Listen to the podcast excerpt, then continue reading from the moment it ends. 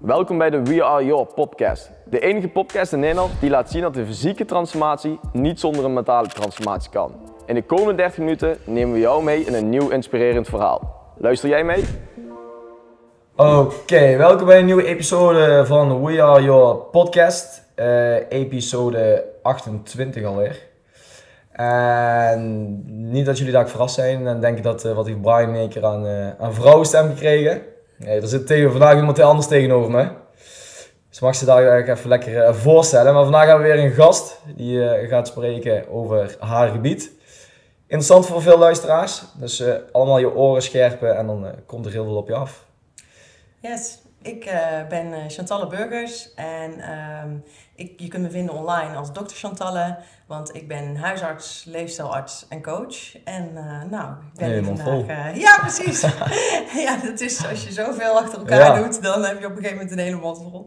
En eh Thierry heeft mij uitgenodigd in de podcast, dus dat vind ik hartstikke leuk. Ja, Ja, ja. Nou, de reden inderdaad om, om de luisteraars daarvan op de hoogte te brengen dat ik, dat ik je uitgenodigd heb, is natuurlijk dat, we, dat ik jouw berichtjes voorbij zou komen natuurlijk op, op LinkedIn. Daar komen we straks nog even op terug. Maar nou, voornamelijk ook omdat jouw berichtjes vielen me altijd wel heel erg op. Omdat ja, de huisartsen, je zegt dat je bent huisarts. En de huisartsen die ik ken, tenminste zoals ik ze vroeger heb gehad. Ik ben al jaren niet meer geweest, maar zoals ik ze vroeger heb gehad. ja, Is toch een beetje dat traditionele. En dan heb je hier last van, eh, nou dan pak maar een pil dit. En dan heb je hier last van, pak maar een pil dat. ja, En ik zag bij jou heel veel voorbij komen. Echt, het, ja, ik vond het een beetje om een goede term te gebruiken, de moderne huisarts. ja, Dat ik dacht, nou, die ga ik eens een berichtje sturen om inderdaad te, te vragen of ze niet interesse heeft om een keer in een, in een podcast te komen. ja, Eh, met, met haar visie op, op, op die wereld en over gezondheid en wat je al zei, leefstijlcoach. Dus ik denk dat je daar heel veel over kan vertellen. ja.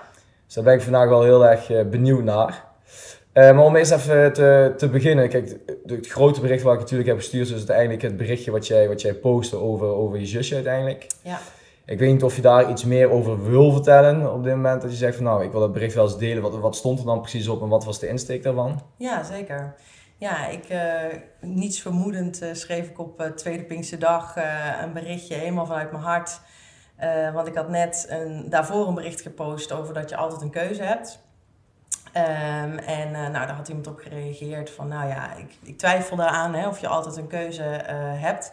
Nou, dat ging bij mij zitten broeien en toen schreef ik volledig vanuit mijn hart ehm, een bericht over mijn zusje, Carlijn. Carlijn is eh, overleden op ehm, eh, 28 december 2020. Dus dat is nu eh, ruim anderhalf jaar geleden. Ehm, en ehm, die, nou ja, goed, die is overleden aan uitgezaaide borstkanker. En Carlijn was voor mij echt het voorbeeld van dat je altijd een keuze hebt. Want zij heeft echt, nou, het, ging, het bericht heet Dans in de Regen en is inmiddels meer dan 4 miljoen keer bekeken op LinkedIn. Dus ik ben volledig... Ja. volledig viraal gegaan, een Ja. filmpje over haar. Ehm, en de strekking van de boodschap was, je hebt altijd een keuze. Hè? Je kan altijd blijven dansen hoe hard het ook regent. Want dat, dat zijn we voor mijn gevoel een beetje verleerd. En dat linkt ook weer aan wat je zei, eh, mijn huisarts eh, zijn en mijn andere manier misschien een beetje van huisarts zijn. Want zowel in de spreekkamer als daarbuiten merk ik gewoon heel sterk dat we verleerd zijn of vergeten zijn dat we altijd een keuze hebben. Mhm. Hè, dat we altijd invloed hebben op de situatie die, waar we in zitten en waar we naartoe willen. En ehm, nou, daar ben ik over gaan schrijven. Ehm, ja, de strekking was dus ook, eh, pak die regie. Hè, want dat deed Carlijn echt tot het allerlaatste toe, tot de laatste avond voordat ze stierf, pakte Mhm. zij die regie.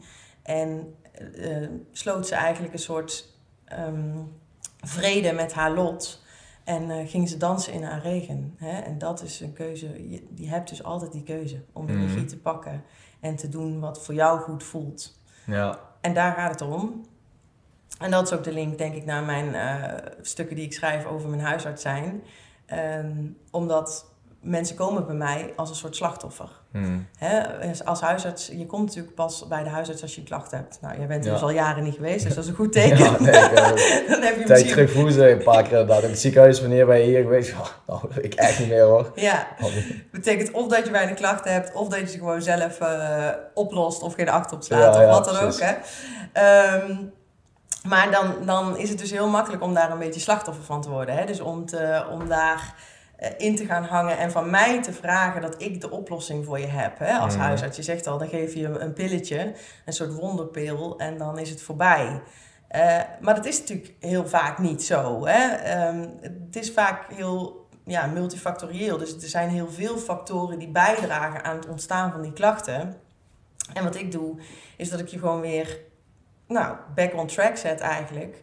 Van hé, hey, oké, nou je hebt nu deze klacht, maar wat speelt er verder allemaal in jouw leven? Want als je daarna gaat vragen, dan ga je oorzaken aanpakken en geen symptomen meer bestrijden. Mhm.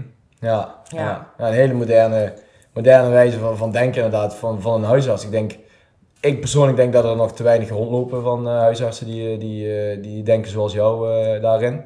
En dat dat wel een hele grote doorbraak is voor de gezondheid, uiteindelijk voor heel veel mensen. Ja. Want wat je inderdaad zegt, is ook vaak als mensen een pijntje hebben, dan zeggen ja, dan bel ik huisarts wel, want die, die, ja, die man of vrouw gaat me helpen en dan ben ik daar weer genezen. Ja. Maar dat, dat is natuurlijk niet. Geest. Nee, en het is ook mooi dat je gezondheid uh, zegt, want ja, inmiddels is natuurlijk ook, ik weet niet of je de, de die term kent, positieve gezondheid. Hmm. Waarbij gezondheid eigenlijk um, wordt gedefinieerd als veel meer dan de afwezigheid van ziekte. Uh, gezondheid is ook uh, lekker in je vel zitten, is doen waar je blij van wordt, is goed voor jezelf zorgen. Nou, daar Mm. weten jullie alles van Ja. binnen We Are natuurlijk, hè? Ja, we doen ons En best. is- ja, precies. Hè, maar is ook, eh, en- en goed voor jezelf zorgen betekent natuurlijk niet alleen eh, goed eten, en, Nee, eh, hè, nee. maar ook ehm, ontspanning, slaap, nou ja, zingeving, hè, wat doe je waar je blij van wordt. Ehm, en is naar al die factoren samen kijken. Hmm. En, ehm, en als je zo kijkt, dus als je kijkt naar gezondheid als meer dan de afwezigheid van ziekte, ja, dan, dan heb je zulke andere gesprekken. En ehm, nou, die probeer ik dus te voeren in de spreekkamer. Maar dat moet zeggen, valt niet altijd mee. Want eh, zoals je weet heb, heb Ja. ik maar 10 minuten. Dus dat is wel echt de struggle die ik con- continu heb. Maar ook daarin kom je weer terug bij mijn eh, beginpunt. Je hebt altijd een keuze.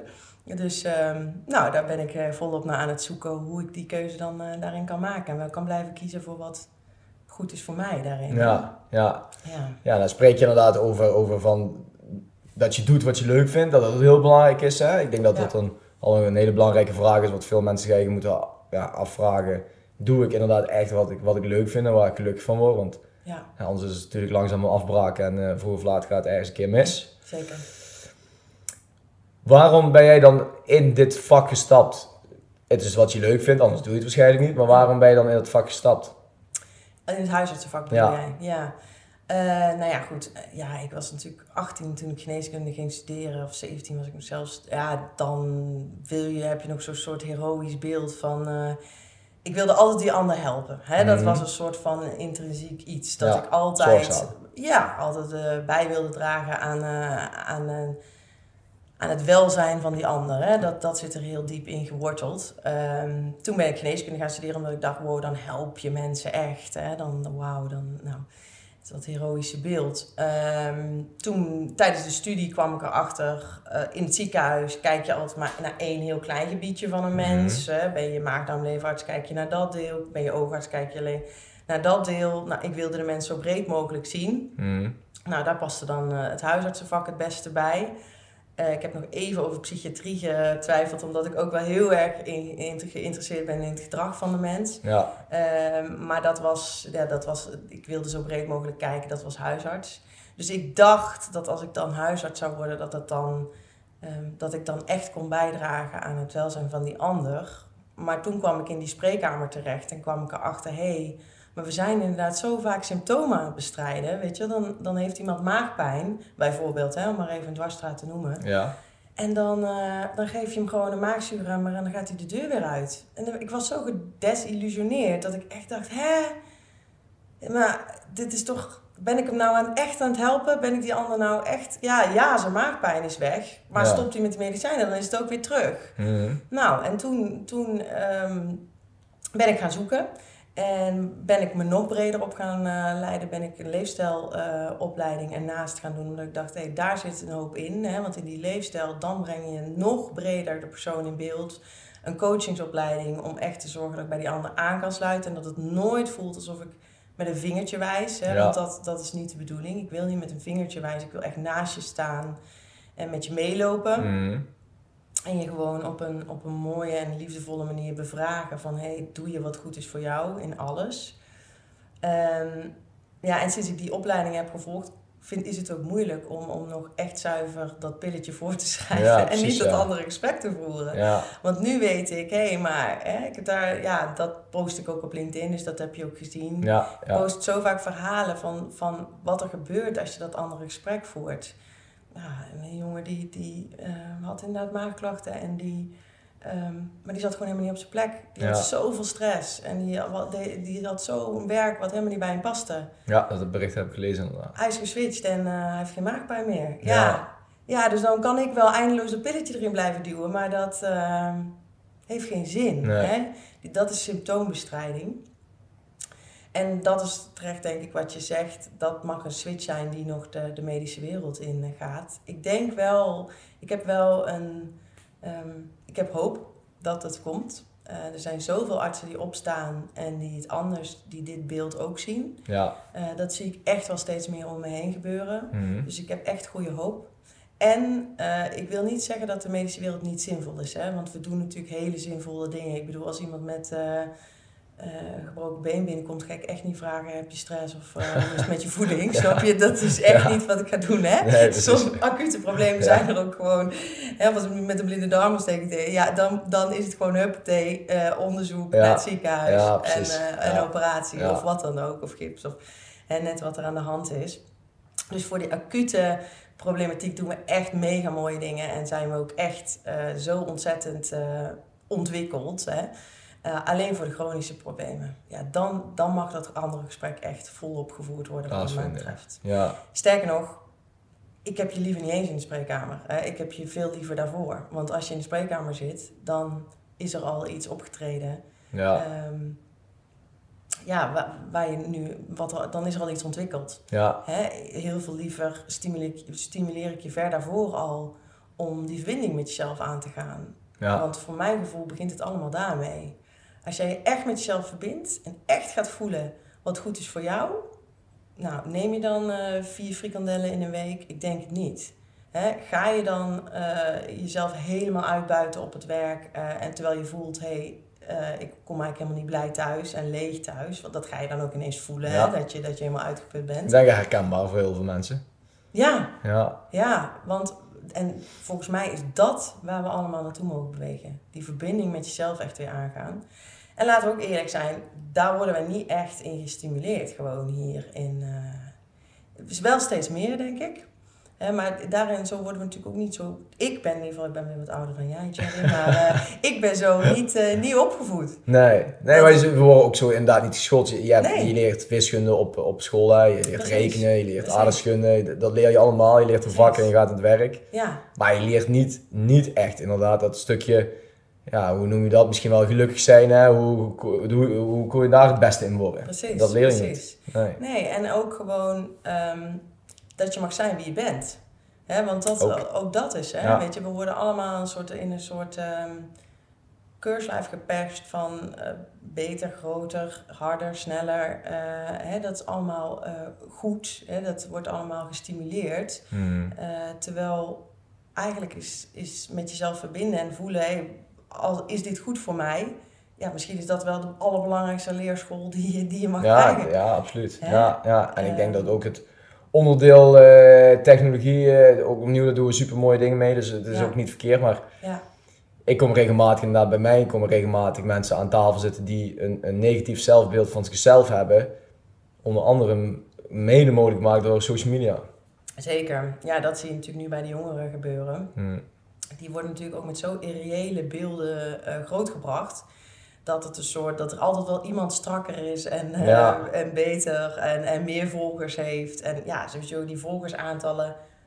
Als je het echt even helemaal plat gaat slaan, ja, waar slaat het eigenlijk? Weet je, dat is. Ja, ehm, hè, terwijl als je doet wat, wat goed voor je is. Kijk, 15 jaar geleden wist niemand wat Instagram of Facebook Nee, was of nee, zo. nee, hè? nee, en nu is het ineens heel Ja. belangrijk gemaakt. ja, En, en is het ook heel zichtbaar gemaakt van, van er wordt er een soort belangrijkheid, belangrijkheid aan opgehangen. ja, Ja, en dat, ehm, ja, ik weet niet, dat moeten we nog gaan eh, uitvinden hè, wat dat voor uitwerking heeft. En het altijd aanstaan, dat is misschien echt ook nog wel een hele belangrijke. Ja, Continu die meldingen op je telefoon, hè, waardoor je, zeker. Ja, eh, dat is natuurlijk ook al lang onderzocht, dat dat voor je hersenen gewoon helemaal niet zo heel erg handig is. nee, nee, we nee. hebben die tijd dat je even uitstaat, hebben we echt gewoon Nodig, nodig. ja. hè? Die, die default state, zoals dat dan noemt, dat je gewoon even een soort, ja, zo'n soort basislijn hebt. Ja. Die is gewoon nodig. Maar hoe vaak hebben we dat nog? Ja, ik heb vanmorgen nog inderdaad een gesprek met iemand over die bij, eh, bij mij langs is. Marloes is ook eh, te gast geweest in, eh, in, in onze podcast, Stress en Mhm. Burn-out Coach. En dat was het ook heel erg van het leren uitstaan. Dat dat Ja. echt een hele grote struggle is voor veel mensen. Zeker. En dat, dat dat inderdaad ook een grote oorzaak is van heel veel stress. Op sommige mensen leidt het dan tot burn-out. Ja.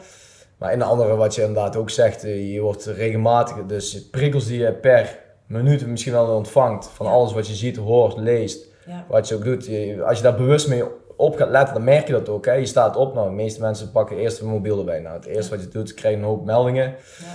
Dan lees je appjes even, dan krijg je natuurlijk weer allemaal een hoop informatie binnen. Je komt beneden, zet de tv aan, dan komt weer een hoop informatie op je af. Dan Ja. je aan de buitenradio staat door de, door de, door de auto eh, te spelen. Ja. Het zijn allemaal prikkels die in de eerste kwartier, half uur, uurtje bij mensen al naar binnen komen. Ja. Dus er is inderdaad ook geen moment meer van Nee. even rustig aan en, en uitstaan. Nee, precies. En aan de andere kant is er natuurlijk ook een soort tegenbeweging dat het ook het. ehm, dus er zijn heel veel verleidingen. Hè? Er zijn heel, we leven in een tijd waarin heel veel verleidingen eh, op ons afgevuurd worden. Hè? En daar wordt ook gewoon marketing voor gedaan. Instagram en, en YouTube en Facebook zijn Mhm, natuurlijk allemaal op gebrand om zo lang mogelijk op die media te zijn. Hè? Ja, Eh, datzelfde is er natuurlijk met voeding. Hè? Het is non-stop verleidingen. ja. Wordt, gewoon, er wordt gewoon marketing bedacht hoe jij die chocoladereep Ja. wel pakt. Hè? Ik zag pas van de week, eh, was misschien wel een heel mooi voorbeeld, zag ik inderdaad zo'n filmpje voorbij komen en dan, dan legden ze uit hoe ze een perfecte commercial maken. En iedereen kent waarschijnlijk wel de commercial van eh, Domino's pizza's. Mhm. En dan zag je inderdaad dat ze zo pizza met, met ze deden een mengsel maken met lijm en nog wat dingen. En dat smeerden, en, dan- en dan hadden ze een pizza, hadden ze vastgeborduurd met spijkers op een, op een, op een plank. En dan haalden ze een stuk pizza al zo uitgesneden, die hadden ze met een lijm ingesmeerd. En dan haalden ze dat eraf. Ja, als je nadenkt, ja, hoe kan dat eigenlijk inderdaad? Want als je normaal, dan blijft die pizza niet liggen, maar die is natuurlijk vastgespijkerd. Ja. En vervolgens trekken ze het op en dan zie je zo, net of er helemaal smeuïge kaas van afkomt. Ja, dan begin je hersen natuurlijk al helemaal te werken. Terwijl het gewoon allemaal nep is.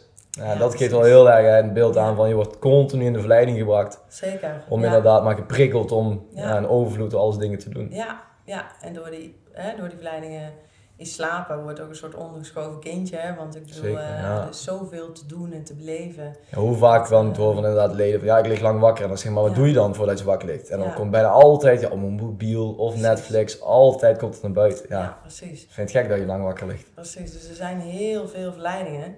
Eh, dus dat, dat is een heel groot, eh, ja, dat is een hele grote uitdaging van deze tijd, denk ik.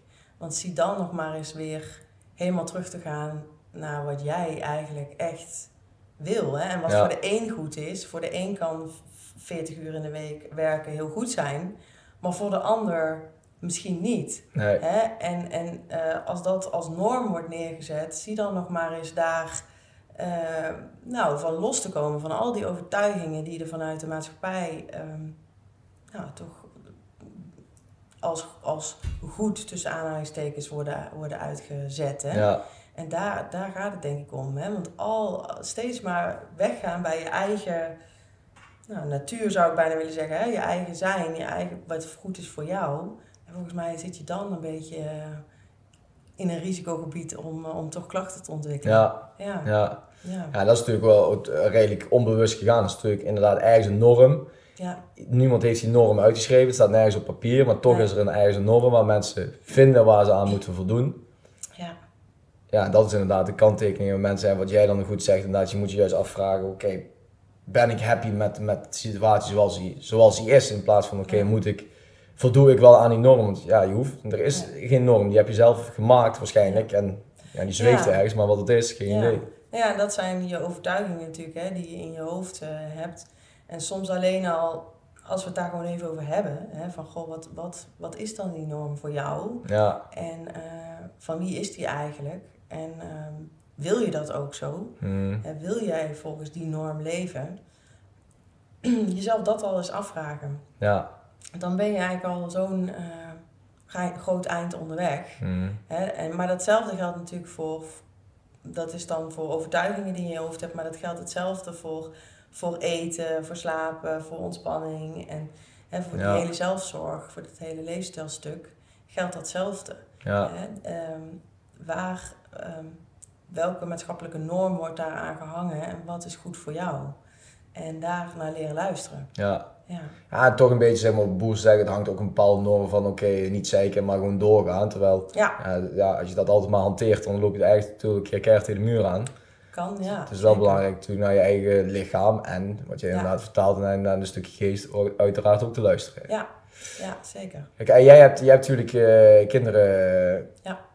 Hoe, probeer je dat je kinderen dan toch mee te geven? Want je probeert ze natuurlijk op te voeden, maar doe waar, waar, waar je happy van wordt en doe waar je gelukkig van, eh, van wordt. Ja. Hoe probeer je ze dat toch mee te geven in een wereld waar, ja, ik ben ook weer een stuk ouder dan jouw kinderen, wa- waarin die kinderen leven al helemaal in een generatie waar technologie heel hoog staat en waarbij ze alles kunnen zien op, op eh, social media en een bepaalde norm. Ja, ja, precies.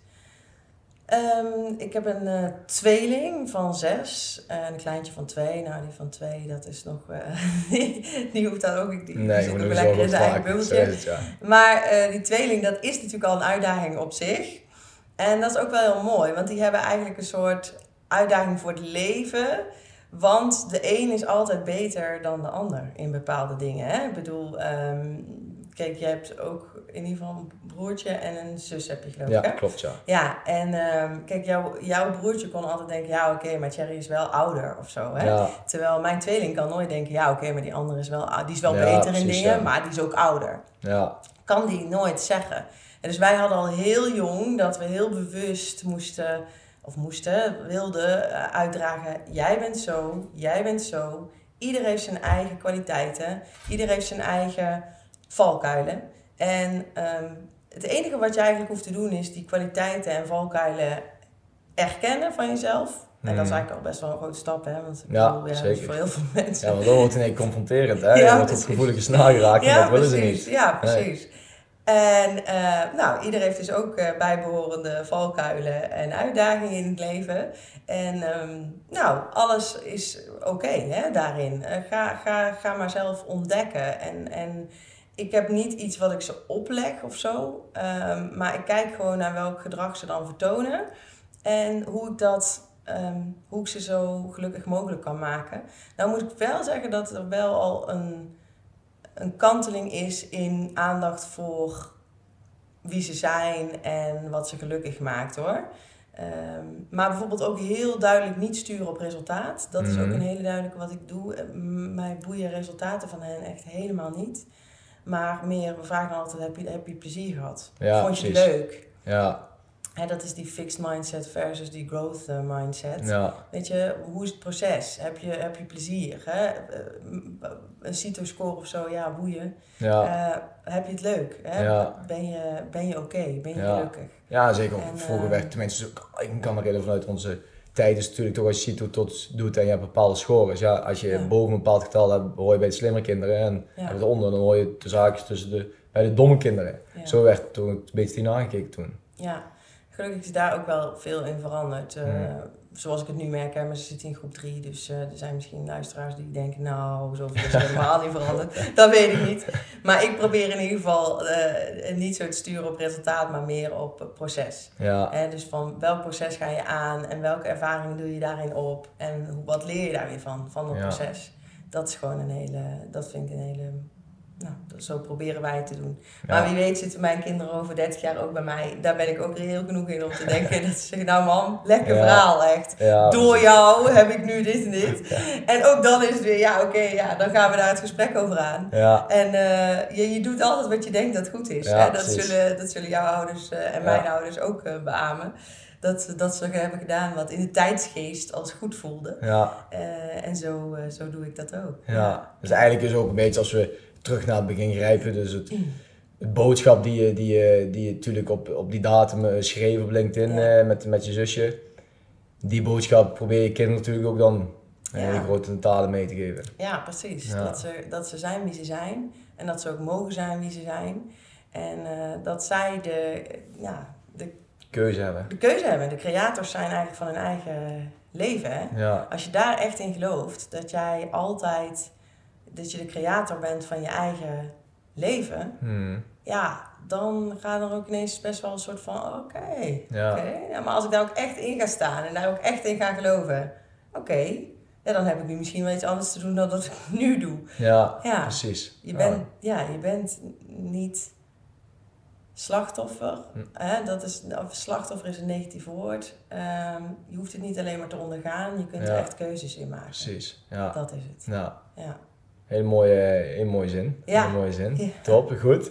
Oké, als je, om af te sluiten, als je zeg maar een, boodschap wil meegeven zeg maar, aan de luisteraars, kort, bondig, Ja. wat zou jij graag toch deze wereld in willen slingeren, dat je zegt van oké, dan vind ik dat het misschien wat te kort in is, bij deze de boodschap. Ja. Ehm, ga echt die verbinding met jezelf aan. Met alles wat er in je leeft. Positief en negatief. Positief en negatief is ook weer niet zulke mooie woorden. Licht en donker, whatever je er Ja. voor woorden aan wil Ja, geven. precies. En ga echt gewoon geloven dat jij eh, de creator van jouw leven bent. En ga daar ook naar leven. En ga daar ook naar handelen. En ga op zoek naar die grootheid van jouzelf, jouw kwaliteiten. En ga daarin staan. Ja, oké. Nou, dankjewel eh Ja. Ja, Mooie boodschap. Ja. Mooie boodschap. Ja. Podcasts inderdaad zijn heel kort, dus we moeten in, veel, veel- in weinig tijd best veel vertellen. Want wat je van tevoren hadden we al een klein gesprekje en dan zeg je ja, inderdaad als we eenmaal gaan ratelen dan, dan eh, kan je al uren natuurlijk over zoiets praten. Ja. Dus eh, ik hoop dat we het kort en bondig hebben kunnen doen en de belangrijkste boodschap hebben mooi kunnen overbrengen naar de, naar de luisteraars. Zeker. En voor alle luisteraars, mocht je toch nog vragen hebben eh, voor ons, dan kun je ons altijd natuurlijk een, een, een, een PM sturen. Mocht je vragen hebben voor Chantal, dan kan je. Vertel, waar kunnen ze terecht? Eh www.drchantalle.nl Daar Mhm. heb je een contactformulier. En je kunt me natuurlijk volgen op Instagram en eh, LinkedIn. Ik zeggen, ja, ik raad sowieso iedereen aan om Chantal op LinkedIn te volgen en de berichten natuurlijk eh, heel erg te lezen, want het is een hele andere insteek dan wat de meesten inderdaad doen wat we zeiden. Ja, Nou, ik wil je nog een keer hartelijk bedanken dat je er was ja jij ook. en eh, we gaan elkaar sowieso weer een keer zien en spreken. Zeker. Yes? Yes. Bedankt voor het luisteren naar de We Are Your podcast. In de volgende aflevering hebben we weer een inspirerend en waardevol gesprek voor jullie klaarstaan. Voeg deze podcast toe aan je favorieten en mis nooit meer een gesprek over mentale en fysieke transformatie.